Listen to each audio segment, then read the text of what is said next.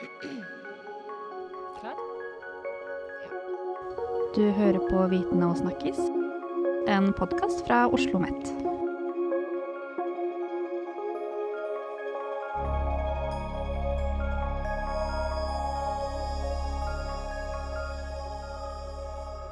Og så skal vi en runde nummer to, og da er det neste spørsmålet. Eh, I lys av ditt arbeid, hva vil du si er det viktigste for å knytte produksjon og forbruk tettere sammen? Og jeg vet at eh, det er nesten en umulig øvelse da å holde det kort når engasjementet er stort. Eh, så jeg vil starte Hei, og velkommen til Viten og snakkis, og del tre av podkastserien Forskning på bærekraftig mat. Mitt navn er Julie Solvin Jacobsen, og i dag skal vi stille spørsmålet hvordan kan vi knytte matprodusenter og forbrukere tettere sammen? Fordi det var nettopp dette spørsmålet som ble stilt under Strength to Food-konferansen 15.11. Representanter fra Norgesgruppen, Senterpartiet og Bondens Marked var blant noen av flere bidragsytere under konferansen. Disse vil du høre komme med innlegg og diskutere i dagens episode. Om du ønsker å høre forskerne Virgin Amelien og Gunnar Wittersjø oppsummere resultatene av studien Strength to Food, anbefaler jeg å høre episodene del 1 og del 2 Forskning på bærekraftig mat. Frode Christensen tok til orde angående matkultur i Norge.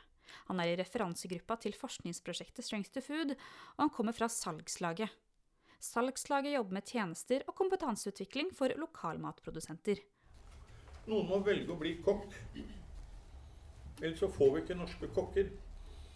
Jeg kjenner eh, veldig mange restauranter i Oslo og flere utover. Og et par av de har måttet holde stengt på mandager nå, for de har ikke hatt norsk kjøkkensjef. Eh, De har, eh, må prøve med noen kokker som jobber overtid, og de kan ikke jobbe alle dager i uka osv. osv.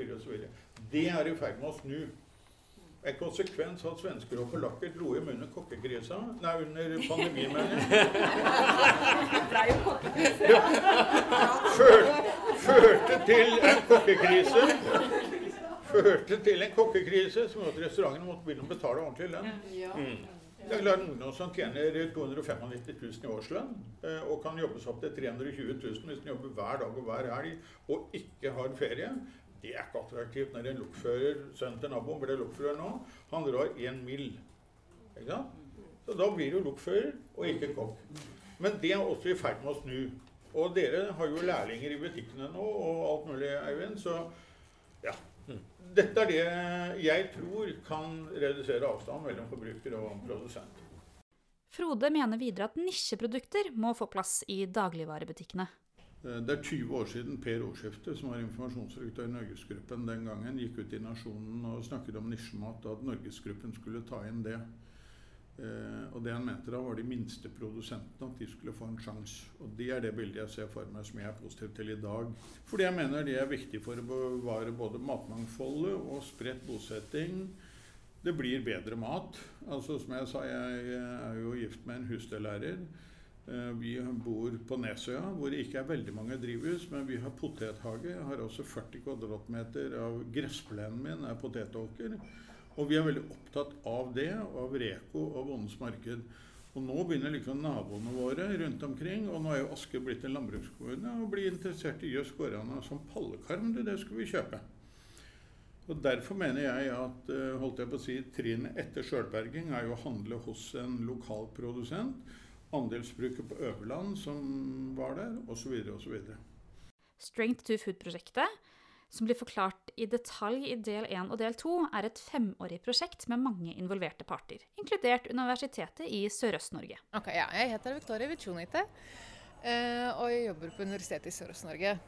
Og Hva har de vært din rolle under det prosjektet her, som har vart i fem år? Eh, vi har vært mye i kontakt med folk som er ansvarlige for prosjektet her, siden eh, prosjektet som vi har på ØSN har mye til felles med Strength to Food, med å fokusere på korte verdikjeder for lokalmat. Eh, så vi har vært eh, mye i dialog og presentert oss hverandre og ja, litt eh, sånne ting. Hva syns du om resultatene etter de, etter de fem årene? Eh, jeg synes at det er veldig spennende resultater. Eh, og det er særlig problematikken med, problematikken med korte verdikjeder. Eh, og hvordan vi får på en måte redusert den avstanden mellom produsent og forbruker. Um, er et veldig spennende tema å utforske. Um, så vår del har vært også å se litt mer på hvordan digitalisering kan, kan tilrettelegge, og hva slags potensial digitalisering har for å redusere det avstandene. Um, så det, det, å se at det settes på agenda, og at det er viktig uh, Ja, det har vært uh, interessante funn. Uh, men kan du si litt mer om hvordan den digitaliseringen kan korte ned verdikjeden? Um, så vi fokuserer mest på Reko, som er et, bare et unikt eksempel om hvordan helt vanlige bonder har tatt uh, digitale plattformer som eksisterer der ute, og bare sånn skikkelig grunder i magen, og bare tatt i bruk noe som er der for egen uh, um, nytte. sånn at de har, de har, skapt en kortere verdikjede for småskalaprodusenter som ikke eksisterte før det. De har skapt en helt ny markeds- og salgskanal. Uh, helt på en måte uten noe spesiell kunnskap. Um, så det er bare et sånn helt unikt eksempel uh, for å vise hvordan vi kan koble med bruke digital teknologi for å egentlig koble produsenter og kunder sammen og hjelpe dem å møtes og prate og dele kunnskap. Um, ja, så det er én vei for å korte ned avstanden mellom produsent og kunde. Men hva tror du blir veien videre nå, da? For å på en måte sette noe av de resultatene ut i livet, da? Jeg tror det er det som er den store utfordringen. Fordi at, øh, og, og, det er selvfølgelig derfor det er så viktig at de fikk den, øh, det prosjektet her på uh, formidling av EU-resultatene. Fordi at vi setter på så mye kunnskap at uh, nå gjelder det å nå ut til praktikere, sånn som her i dag, til produsenter, til byråkrater, til politikere. for å formidle og sette i gang tiltak. Så jeg tror at vi er definitivt det forsterkprosjektet her er et steg i riktig retning på å bruke vitenskapelig kunnskap for ja, veien videre. Så det er, eh, vi må nå ut til de som faktisk eh, tar disse avgjørelsene. De må se resultatene og bruke det. da. Ja, og jeg tror at det er ikke bare å vise resultater, men også hjelpe dem å forstå hvordan de kan brukes. Fordi at vi i dialog med praktikere så kan vi også uh, ikke bare formidle hva vi har funnet ut, men hvorfor det er viktig, og hvordan det kan anvendes i deres hverdag. Så jeg tror uh, fra vår på en måte, forskerperspektiv det er der uh, fremtiden ligger. Engasjementet blant deltakerne var stort, og flere fra salen hadde kritiske spørsmål og innvendinger angående problemstillingene. Spillene som er kommet allerede, er det, er det noen som har lyst til å ta ordet? Som brenner, som brenner for noe? Ja. Ja, jeg brenner for noe. Jeg brenner for mye, egentlig.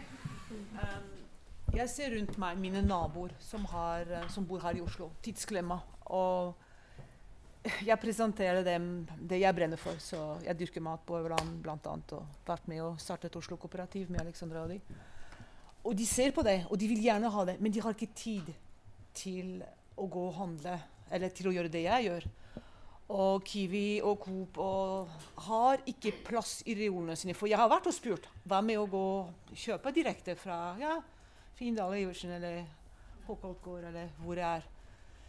Men reolplass er kjøpt av de store aktørene. Og det er det som er problemet. Fordi de som vil, de har, de har ikke muligheten kanskje til å gå bondens marked hver, hele året. Eller spesielt småbarnsfamilie, tenker jeg på. Eller eldre.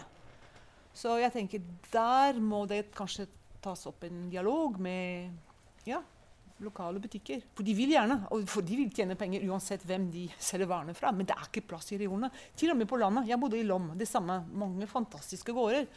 Og hvorfor selges ikke butikk, eller produktene direkte i butikker? Nei, for der plassen er kjøpt. Så ja. Kanskje litt politisk og litt uh, ja, store penger rår. Eivind Haalien fra Norgesgruppen tok til orde for å svare så godt han kunne. Norgesgruppen er et landsdekkende handelshus med kjedekonsepter som bl.a. Kiwi, Meny, Joker og Spar. Altså at en må skjønne forskjellen på Kiwi sin rolle og Meny sin rolle. Altså to forskjellige. En lågpris som eh, da konkurrerer hovedsakelig på pris, og et supermarked som eh, konkurrerer hovedsakelig på utvalg og kompetanse, for de har ikke sjanse til å eh, konkurrere på pris pga. at det har større butikker, driver mye mer strøm. Strømkostnadene tar er jo ekstremt store, eller har vært det dette året. Eh, mye flere ansatte etc. Så det å gå til eh, Meny og handle som du kaller det der, matskatter, er jo en mulighet. Og så blir så tenker jeg at hvis det er et, eh, et marked da, for eh, butikker altså Bondens marked er selvsagt en, eh, en mulighet, men kan man etablere en egen noen som kan lage en, kan være en Bondens marked-butikk? Det er eh, lage et nykooperativ og starte sin egen butikk. Det, bør, en, det er jo mulig, det. Eh, men eh, som lokalmatleverandør eh, så vil jeg, er jo Meny som er vår utvalgskjede, og som har Eh, den type eh, produkt. Men det er et komplekst spørsmål i forhold til logistikk, i forhold til, eh, til, til marked. Og den, våre 650 eller 450 lokalmatleverandører i Meny har ikke betalt deg krone for den hylleplassen. Men du må forsvare den. Og litt som på tørrfisk fra Lofoten her. Altså, vi har fryst tørrfisk, antageligvis i hvert fall de fra Tromsø, i et par av de beste butikkene våre. Den Eh, men det rullerer ikke. Du må ha en plan for å få solgt det. Altså det å tro at når, Altså det letteste er å komme inn i butikk. Det vanskeligste er å komme ut av butikk. Eh, og det å skjønne at det er der utfordringa er. fordi når vi har forbrukere som jeg, jeg sa litt tall i stad eh, Den norske forbrukeren dekker 85% av sin handel på 185 varelinjer.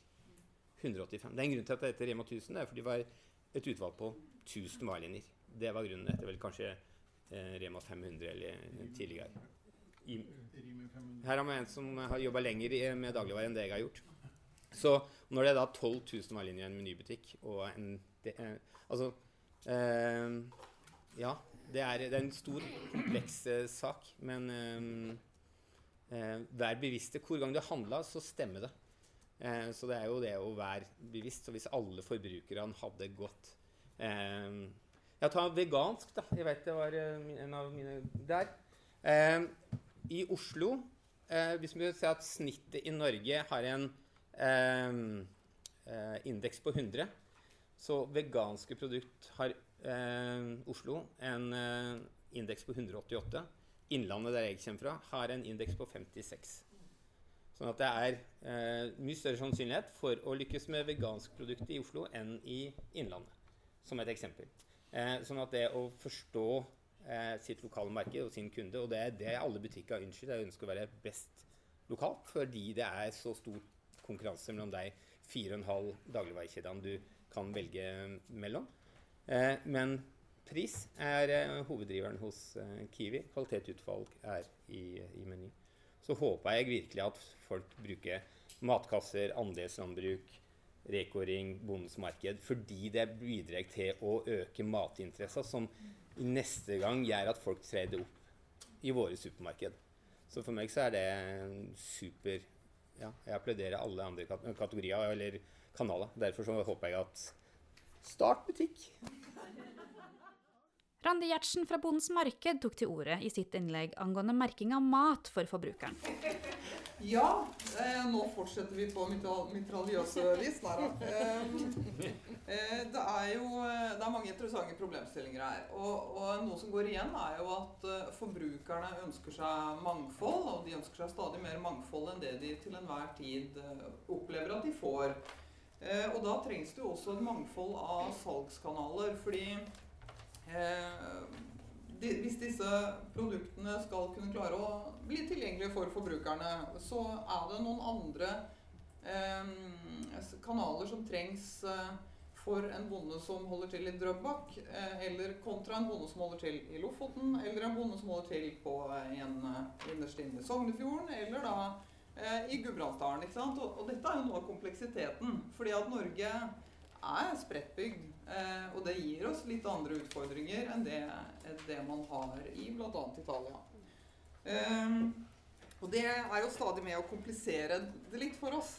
Eh, og så er det jo sånn at eh, disse møtene ansikt til ansikt mellom produsent og forbruker, eh, som bl.a. foregår på våre markeder.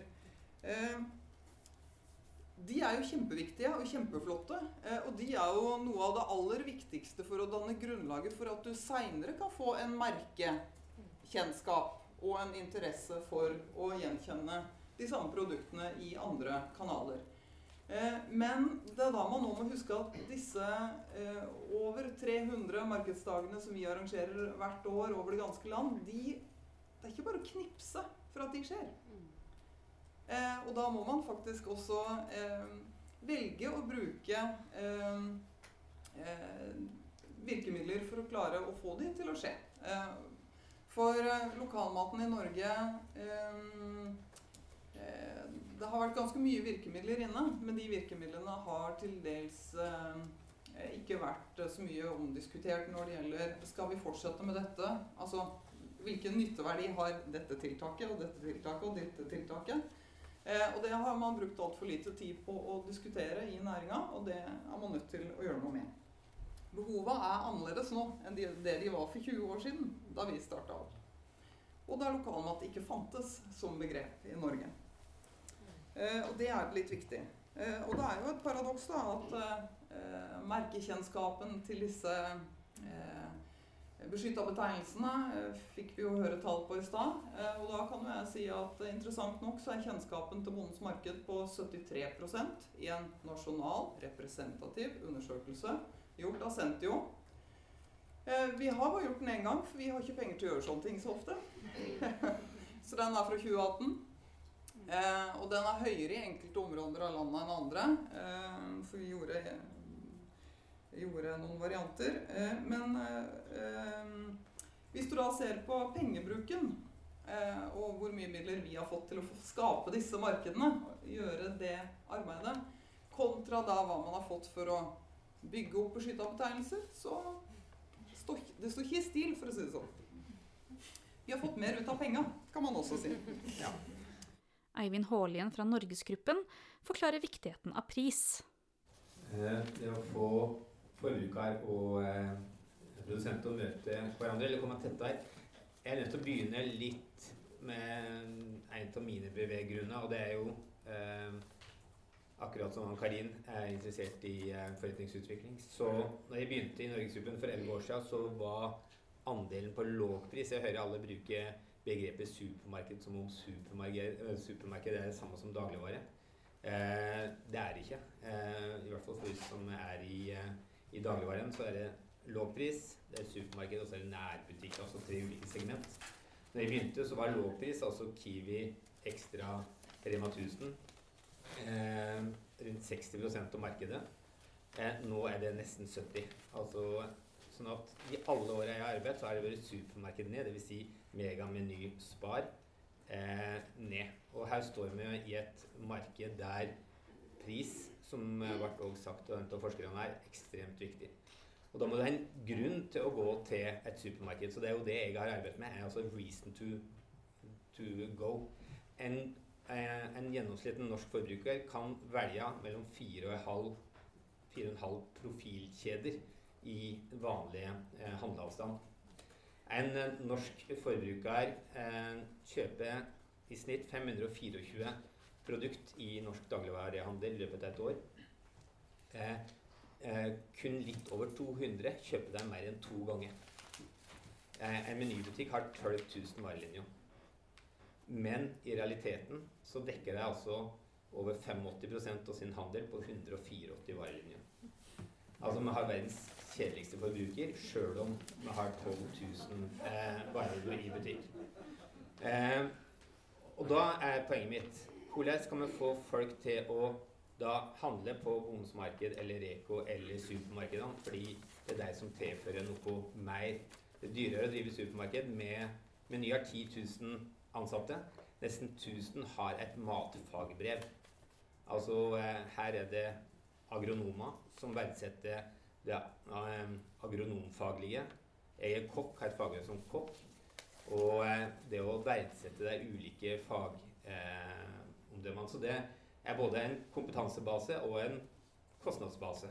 Og hvis pris er det viktigste, så eh, kan du ikke ha, ha folk med for mye kompetanse, for det koster penger. Da må den, eh, både utvalget, kvaliteten og møtet være som gjør at du da går eh, og prioriterer vekk de tre og en halv andre. Så hvordan gjør f.eks. Meny det? Jeg vet at Mega og Spar òg eh, gjør gode jobber på det. Da er du nødt til å eh, tilføre noe annet enn det du finner andre typer produkt. Men du har òg eh, nødt til å få ambassadører ut i butikk. Altså, du har 1000 matarbeidere, eller som eh, menysjefen sa. Det er bedre med 1000 matarbeidere i butikk enn to på fjernsyn. Litt sånn flåsete sagt. Eh, men eh, du som produsenter som er inne i supermarkedene, du er nødt til å bli Eller få den historia deres over til de ambassadørene som er i butikk. Under konferansen var det da flere innlegg, etterfulgt av god diskusjon. Ja, jeg tenker bare å si at uh, det er ganske langt fram uh, til at de norske forbrukerne uh, blir som de franske og italienske. jeg skulle gjerne ønske at gården vår var full av forbrukere fra Oslo-området hele sesongen. Og vi har veldig stor trafikk, og det har de lokalmatprodusentene i området vårt. Altså, jeg tror altså Ja, jeg kan si mer om det, men allikevel så når det veldig få. Nå har vi hørt mange eksempler på altså, alle de gode krefter som drar i riktig retning. Men jeg tror man erkjenner at det, eh, det er dagligvarekjedene, møtet mellom forbruker og Eller er der han vil i all overskuelig framtid hente sin mat. Og det er et stort ansvar på dagligvarekjedene på å, at vi trekker i samme retning. Men det jeg lurte på, eh, er det noen som har en oversikt over hvor stor andel av matmarkedet eh, eh, står dagligvarekjedene for? Og hvor stor andel står liksom de Bondens marked, Reko-ring, andelslandbruk, direktesalg, selvplukk og sånn. Er det noen som har noen tall på det? Jeg vet hvor mye vi selger for da, hos oss. Lokalmat i Norgesgruppen har gått fra 450 millioner når jeg starta i 2011, til å nesten bikke 2,9 milliarder i 2021.